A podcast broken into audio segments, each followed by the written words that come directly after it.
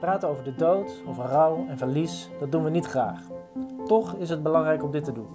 Mariska Overman en Rob Bruntink schreven het boek Ik weet niet wat ik zeggen moet, dat deze maand verscheen bij uitgeverij Ten Haven. Ik ben Rick van Rijthoven, redacteur bij de uitgeverij en vandaag ga ik in gesprek met Mariska en Rob. We hebben het over waarom we het zo moeilijk vinden om over de dood te praten, wat we absoluut wel en niet moeten doen en hoe we een gesprek hierover kunnen starten. De muziek die je hier hoort is van Monek. Abonneer je op de Slimme Leven podcast in jouw favoriete app om ons te blijven volgen. Hoe zijn jullie ertoe gekomen om een boek te schrijven uh, over praten over de dood, verlies en, en over rouw? Nou, in grote lijnen is het wel vooral gebaseerd op onze ervaringen met uh, het uh, onvermogen om over verlies, dood en rouw te praten. En dat hebben we vooral ervaren in de voorbije jaren, waarin we met ja, wisselende groepen mensen, variërend van zeg maar, burgers tot aan zorgprofessionals, dat we in die, in die groepen vooral merkten dat mensen tegen drempels aanliepen en dat ze zich uh, onwennig uh, voelden ja. over uh, hoe ze zo'n gesprek zouden kunnen beginnen. En toen dachten we van ja, misschien moeten we een soort ja, tussen haakjes zelfhulpboek gaan maken voor mensen in allerlei situaties. om toch dat gesprek aan te gaan. En met allerlei situaties bedoel ik dan met name niet alleen mensen die ook in een omgeving te maken hebben met ernstige zieken of met, met iemand die in rouw is. Maar ook uh, los van ziekte of los van rouw. Uh, gewoon met elkaar over de dood praten. Ja, zonder dat er eigenlijk een urgente aanleiding voor, voor is. Gewoon omdat het een potentieel gespreksonderwerp is. Dat ook ja, allerlei waardevolle kanten in zich heeft. Ja, en, en we, hebben ook, tenminste, ik, ik heb op een gegeven moment gemerkt. We zijn natuurlijk al lang bezig qua werk met, met het onderwerp dood. En dan, dan ben je er redelijk vertrouwd mee, denk je dan. En een paar jaar geleden, een ex-collega van mij, ik heb ooit in het onderwijs gewerkt, die ik uh, af en toe privé nog wel zag, maar niet heel vaak. Um, toen hoorde ik via via dat hij ongeneeslijk ziek was. En toen wist ik serieus niet, ondanks alle kennis en ervaring, ja, wat ga ik nou doen? Ga ik nou een mailtje sturen? Ga ik bellen? Ja, wat, wat zeg ik dan? Uh, dat, dat, vond ik erg ingewikkeld. En toen realiseerde ik me ook dat nou, zelfs als je dus heel erg vertrouwd bent met dit onderwerp, dan nog als, als er iets voorvalt in je, in je nabije kring, dan is dat lastig soms. Dan, dan weet je het gewoon niet. En het is dan fijn als, ja, als iemand een handje helpt en zegt van nou, misschien kun je dit of dat doen of dit of dat schrijven. Dat helpt. Want je blokkeert dan op zo'n moment eigenlijk als je daar niet veel ervaring mee hebt, kan ik me voorstellen. Ja, nou ja, je, je gaat alles uh, op een weegschaaltje leggen. Kijk, normaal als ik iemand een mailtje stuur, ook als ik iemand langer niet gezien heb, dan denk ik, ja, volgens mij niet echt heel erg lang over na. Dat gaat redelijk vanzelf. Ja.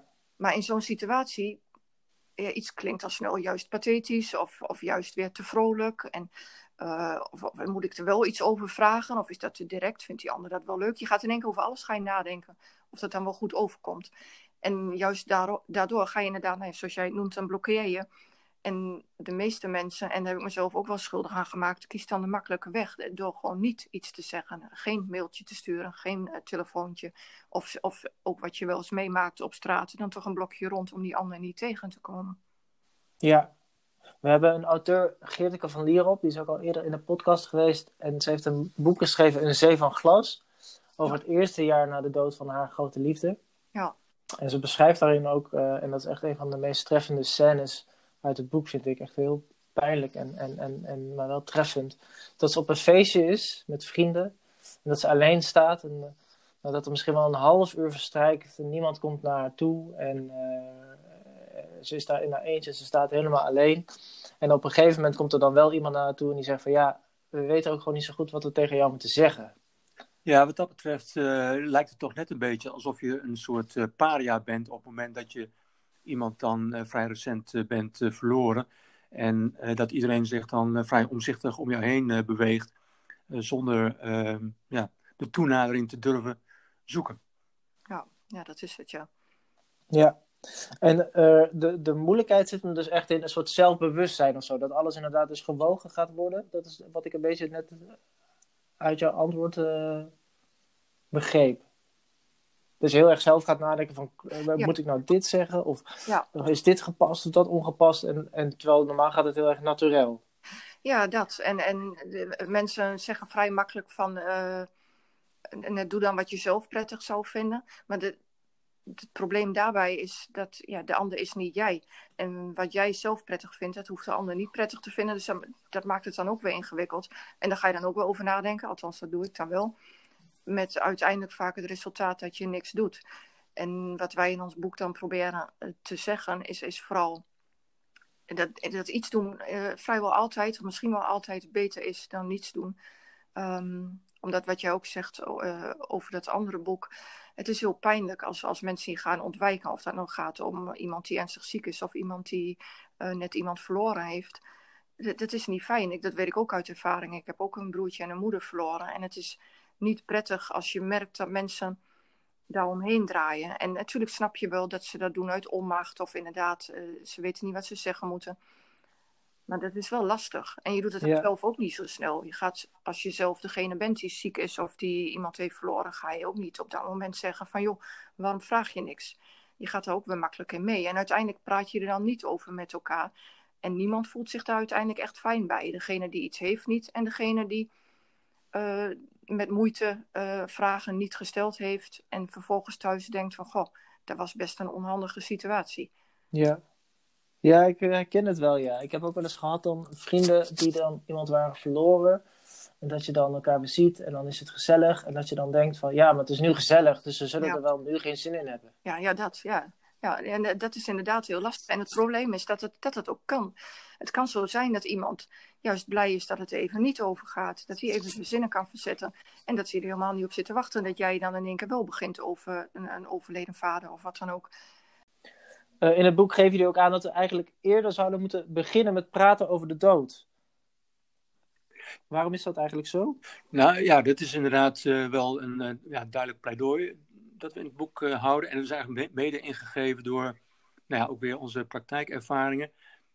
kijk, op het moment dat je, tenminste in de meeste gevallen, over de dood begint te praten, dan is dat vanwege een bepaalde aanleiding. Het zij iemand is ziek, uh, het zij uh, iemand heeft een hele beroerde prognose gekregen en ook al meteen te horen gekregen dat hij op korte termijn zal komen te overlijden. Of er is bijvoorbeeld net iemand overleden. Dus dan speelt er een bepaalde, het zij urgentie mee, het zij een bepaalde emotie mee, of soms allebei. En um, ja, ons pleidooi is er daarom op gericht om vroegtijdig met elkaar in gesprek te gaan over het levenseinde, omdat je dan op die manier uh, met elkaar kunt praten over die onderwerpen. Zonder dat er sprake is van die emotie of zonder dat er sprake is van urgentie. Ik denk op het moment dat dat soort items uh, speelt in de communicatie, ja, dan is het toch uh, wat, wat, wat moeilijker om daar met elkaar over in gesprek te gaan. Ja, En toch, oh sorry Mariska, zeg maar. Nee, ja, dat geeft niet. nee, het, het, zou in feite zo moeten zijn dat als, als iedereen dat vroeg leert en kan, dan zou eigenlijk dit boek overbodig zijn. Daar komt het op neer. Omdat iedereen dan niet dat ongemak voelt en ja, er gewoon over praat als het, uh, op het moment dat het relevant is. Ja. En toch hebben we een hele lijst excuses om er maar niet over te hoeven praten. Wat, wat zijn excuses die jullie vaak horen? Ja, belangrijke excuses zijn bijvoorbeeld wel van ja, ik vind het geen leuk onderwerp. Of het komt me nou niet zo uit. Ja. Of uh, waar, weet je, ik ben nog jong, dus ik, ik hoef er niet over na te denken. Ja. Um, of oh, ik voel me nog gezond, dus ik hoef er niet over na te denken. Maar goed, ja, de, de dood houdt niet zo ontzettend veel rekening met je gezondheid. Uh, en ook niet met je leeftijd. En ook niet met de vraag of je een onderwerp wel of niet leuk vindt. Nee, nee zeker niet. Nee. De dood uh, kan er zomaar zijn. En ja, inderdaad, we noemen in ons boek noemen we tien excuses die vaak genoemd worden. En um, ja, ik denk dat uh, menig lezer daar ook wel een aantal van die excuses in zal uh, herkennen. Ja. Die hij voor zichzelf uh, misschien ook wel eens heeft gebruikt of nog steeds gebruikt. Ja. Wat het misschien ook wel moeilijk maakt, is dat het dus een heel breed onderwerp is. Ja. Maar jullie geven ook aan van ja, er zijn wel een aantal thema's waar je over kan gaan praten, waar je over kan gaan nadenken. Wat voor thema's zijn dat? Ja, je, je kunt over wat meestal wel snel een eerste thema is dat opkomt, is de uitvaart. Uh, met, nog relatief uh, toegankelijke vragen als wil je begraven of gecremeerd worden. Dat soort oh, ja. ja. thema's. dat, dat is voor de mensen over het algemeen iets makkelijker om het daarover te hebben dan over bijvoorbeeld wensen rondom een sterfbed. stel dat je ernstig ziek bent en, en wil je dan bijvoorbeeld thuis sterven of wat voor medische behandelingen zou je eventueel wel of niet nog willen. Dat, ligt al vaak wat gevoeliger. Um, en, en dan kun je, je kunt ook heel filosofisch over de dood praten, uiteraard. Of, gedachten over leven na de dood, of dat er wel of niet is en in welke vorm dat er eventueel is. Dus het is, inderdaad heel breed. En ik, ik denk dat welke ingang je ook kiest, uh, afhankelijk even, even los van de situatie. Hè. Als, kijk, als het urgent is en iemand is ziek en er moet nu iets besloten worden over medische beslissing, ja, dan ga je niet filosoferen over um, wat er eventueel na de dood is, waarschijnlijk. Dus dat hangt een beetje daarvan af. Maar vanuitgaande dat er niks aan de hand is en je wilt het over hebben, ja, begin dan gewoon bij een onderwerp waar je zelf wat minder moeilijk mee hebt. Nou in veel gevallen dus de uitvaart. En dat leidt vaak wel later of op hetzelfde moment tot wat bredere gesprekken. Ja, ik denk, want de moraal van het verhaal is volgens mij ook wel dat uh, hoe vaker je het doet, hoe makkelijker het ook wordt. Ja. Ja, ja. Dat geldt voor heel veel dingen in het leven, maar dat geldt ook wel voor uh, praten over de dood. Alleen al het, het gebruik van het woord uh, dood is voor sommige mensen misschien al moeilijk, maar als je dat een paar keer al in het alledaagse taalgebruik hebt gebruikt, dan, dan zul je er toch minder emotie bij voelen misschien en zal het toch wat makkelijker zijn. En ik denk ook wel precies wat Mariska aangaf.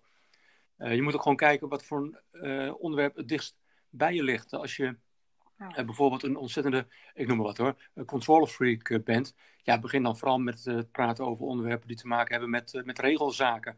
Hè, van, over dingen als het testament of, of inderdaad het draaiboek voor je uitvaart. Of maak een wilsverklaring. Gewoon dingen waar je ook weer voor jezelf de controle mee bevestigt als het ware.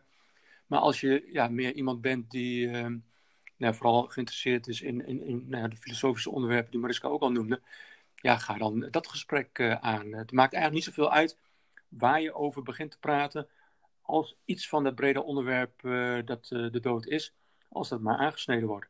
Ja, dat ja. zit ook heel erg in de, de, de ervaring is, we, we, hebben het ook echt nooit anders gehoord. Als mensen eenmaal met elkaar gesproken hebben over dit onderwerp, maakt niet uit welk, welk thema je uitpikt, niemand heeft daar spijt van. Sterker nog, mensen eh, vinden het prettig, want je hebt een behoorlijk diepgaand gesprek. Er wordt verrassend vaak ook gewoon bij gelachen. Uh, het, is echt niet alleen maar droefheid als het over de dood gaat. En mensen voelen een verbinding met elkaar. En dat is heel waardevol. En als je die ervaring hebt, die positieve ervaring, um, dan doe je het de volgende keer gewoon makkelijker. En jullie schrijven ook dat je voor zo'n gesprek, dat je eigenlijk jezelf even moet resetten. Ja, ja. Wat bedoel je daar precies mee? Wat bedoelen jullie daar precies mee? Dat, dat zit hem vooral in het fenomeen dat um, mensen geneigd zijn om vooraf te denken dat praten over de dood per definitie moeilijk of lastig of ingewikkeld of complex of zwaar uh, is. En um, nou, ik wil absoluut toegeven dat praten over de dood die kanten kan kennen. Maar uh, met de reset bedoelen we dat we vooral uh, willen benadrukken dat je ervan uit moet gaan dat praten over de dood vooral zinvol, waardevol, betekenisvol en belangrijk is. En als je op die manier ernaar kijkt, dan ben je misschien voor jezelf ook wat eerder gemotiveerd om daadwerkelijk dat gesprek aan te gaan. Het, het, is, het is een soort uh, framing van jezelf. Ik bedoel, als je voortdurend om je heen hoort dat iets moeilijk is, en als je dat ook voor jezelf dan zo voortdurend tegen jezelf zegt: van ja, maar dat is eng en dat vind ik moeilijk, dan is dat ook zo. De kracht van woorden is enorm wat dat betreft. Dus ons, onze gedachte is, als je dat probeert om te draaien voor jezelf, en dus, daarmee zeggen we niet dat je het niet als moeilijk kunt ervaren, want dat kan absoluut uh, dat je dat zo ervaart. Uh, maar als je tegen jezelf blijft zeggen, het is ook belangrijk en het is zinvol en het is verbindend. Nou ja, wat je ook maar prettig vindt om te herhalen voor jezelf. Dat, hoe gek het ook klinkt, dat maakt de drempel wel iets lager. Ja, dat kan ik me heel goed voorstellen, ja. En dan ook eigenlijk ook dus de, de overtuiging dat het een speciaal moment moet zijn, moeten we dan loslaten. Ja, ja de, en, want die overtuiging dat het op een speciaal moment moet, het is ook een blokkade. Want wanneer is dat moment dan? Ja. ja, het is eigenlijk nooit echt een goed moment. En juist daarom is er eigenlijk ieder moment wel een goed moment. Snap je? Ehm, je kunt er makkelijk een excuus voor jezelf van maken om te blijven uitstellen. Van ja, maar nu is het gezellig. Dus dan ga ik het niet over dood hebben, want dat is treurig. Of uh, nu hebben we niet zoveel tijd. Of nou ja, je, je kunt van alles bedenken. En dan doe je het steeds niet. Dus als je bedenkt dat eigenlijk elk moment wel goed is, uh, nog even los wat, van wat voor de hand liggende momenten, uh, nee, weet ik veel, in de tandartsstoel of zo, dingen waarvan je. Ja. dat is niet zo heel handig, maar nee. los daarvan, ja, juist de kleine momenten tussendoor zijn soms hartstikke geschikt. Het, het hoeven ook niet direct hele lange, diepe, serieuze gesprekken te zijn. Um, sterker nog, gewoon af en toe een bijna terloopse opmerking nou dan kom je ook weer in die gewenning. Uh, dan, dan leidt dat wel een keer tot een wat langer gesprek. En, en op een dag als het nodig is, omdat iemand ziek is, uh, tot die verdieping. Ja, en hoe begin je dan? Dat, dat, wat wordt dan bijvoorbeeld een eerste zin? Of hoe kan je een soort opening zijn er openingen die je kan zoeken? Ja, we noemen inderdaad een paar voorbeelden in het eh, boek. Maar eentje die je altijd kunt gebruiken is: uh, Ik wil het met je hebben over iets belangrijks. En oh ja. Nou, gebruik je dat in feite als opstapje om vervolgens eh, de zin uit te spreken uh, die je wilt uitspreken. En dat kan nou, bijvoorbeeld over iets gaan dat te maken heeft met je laatste levensfase, maar dat kan ook te maken hebben met de uitvaart. En dat kan ook met nou, andere onderwerpen te maken hebben. Ja. Over of je wel of niet door de ander verzorgd wil worden, bijvoorbeeld.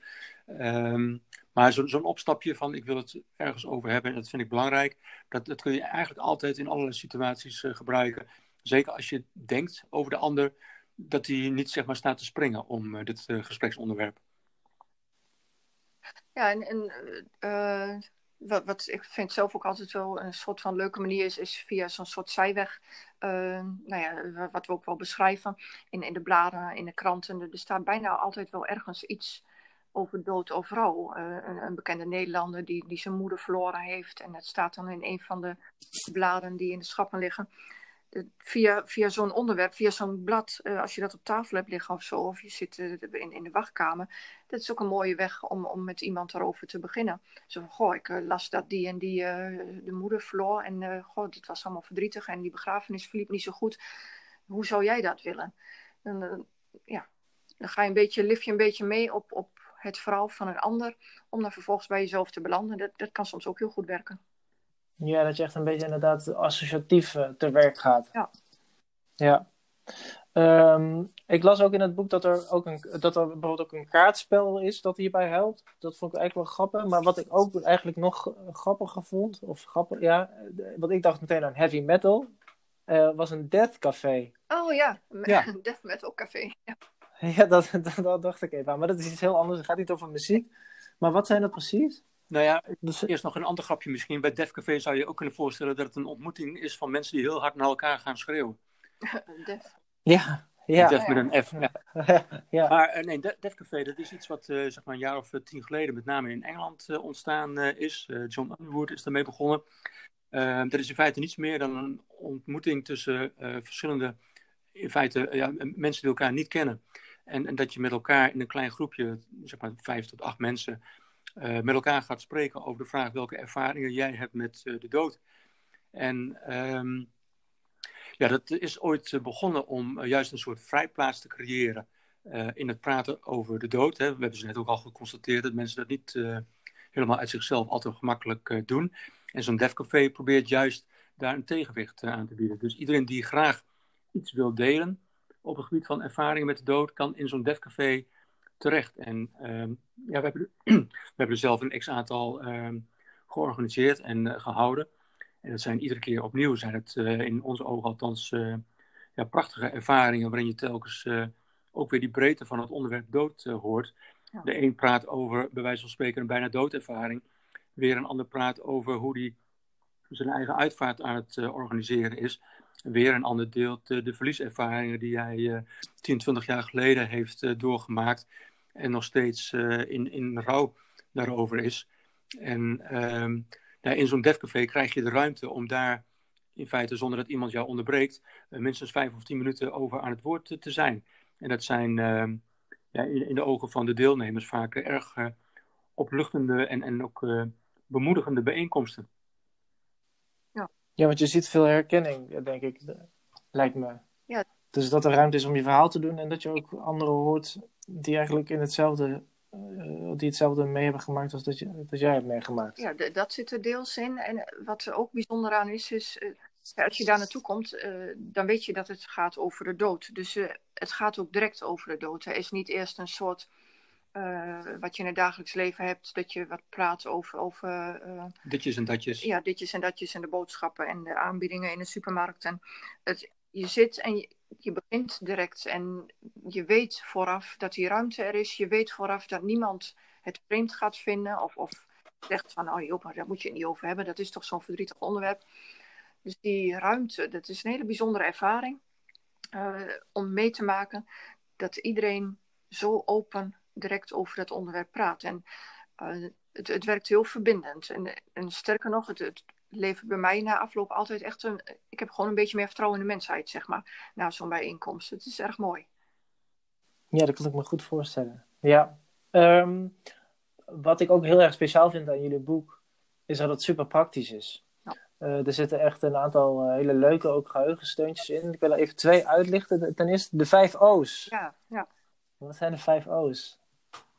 Ja. Nou, uh, ja, we hebben de vijf O's min of meer bedacht om, om een soort tegenwicht te bieden aan al die tips die we geven over hoe je wel moet praten of hoe je wel kunt praten over de dood. Ja. We moeten ook iets zeggen over wat je vooral niet moet doen. En dat hebben we samengevat in de vijf O's. Zowel ten opzichte van iemand die ongeneeslijk ziek is, als ook ten opzichte van iemand die in rouw is.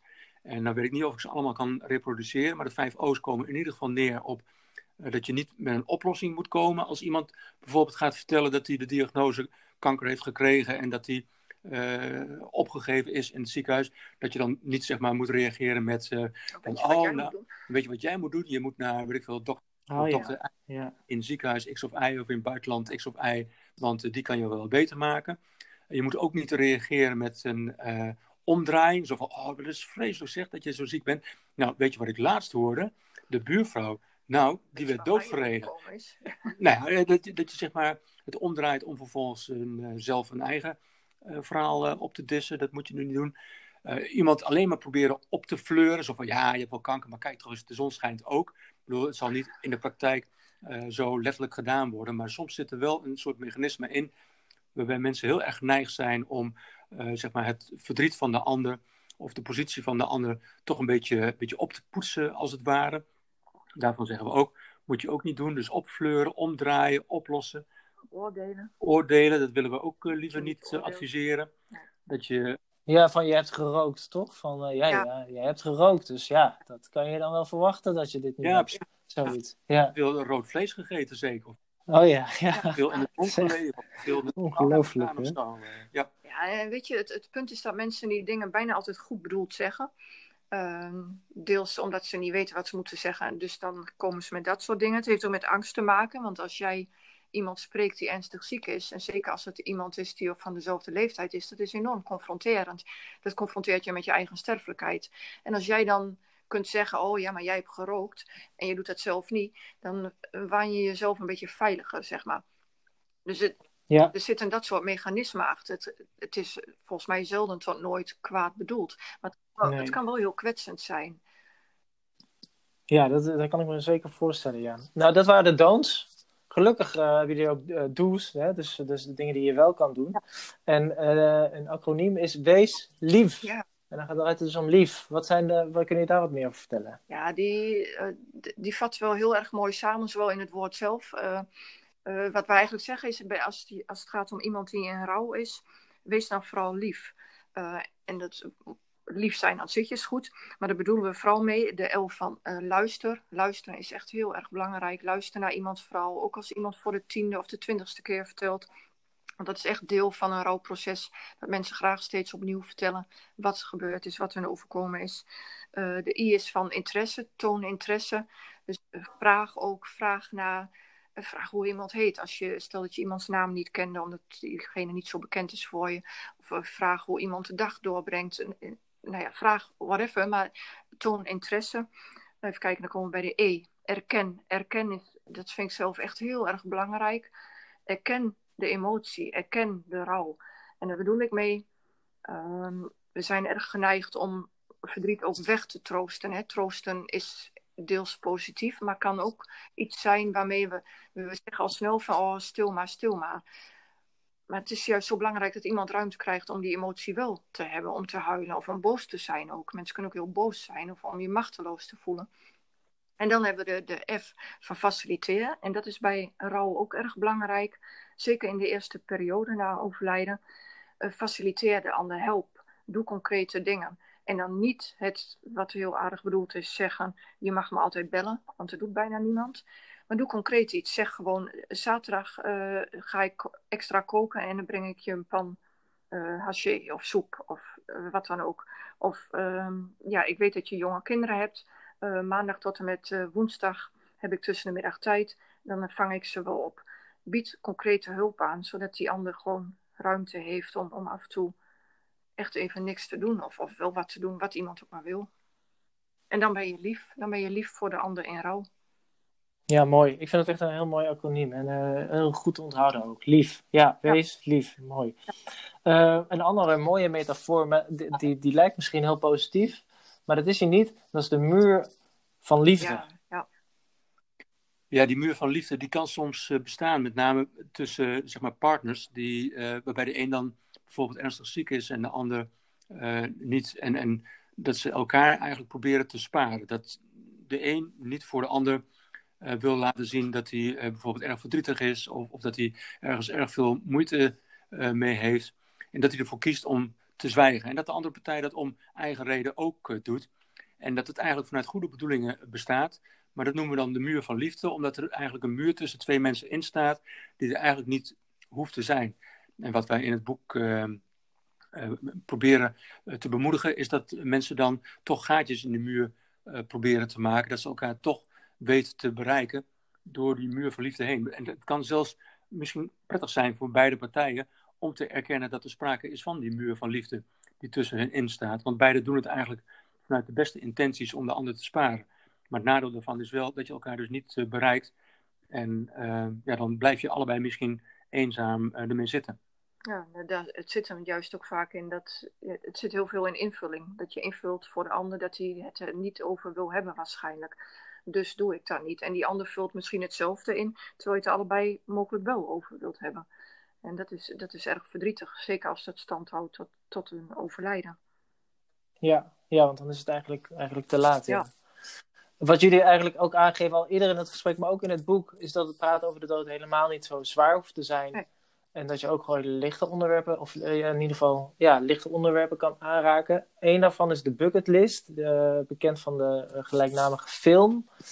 Uh, daar kan je gaan hebben over wat wil je nog doen in het leven. En dat is eigenlijk ook mijn laatste vraag aan jullie twee. Wat staat er bij jullie eigenlijk nog op de, bovenaan op de bucketlist? Oh, dat is een goeie. Nee, ik, ik heb toevallig heb ik één grote wens begin van dit jaar en echt, echt twee weken voor de lockdown uh, vervuld, namelijk walvissen zien. Heb ik een week op een zeilschip in Noord.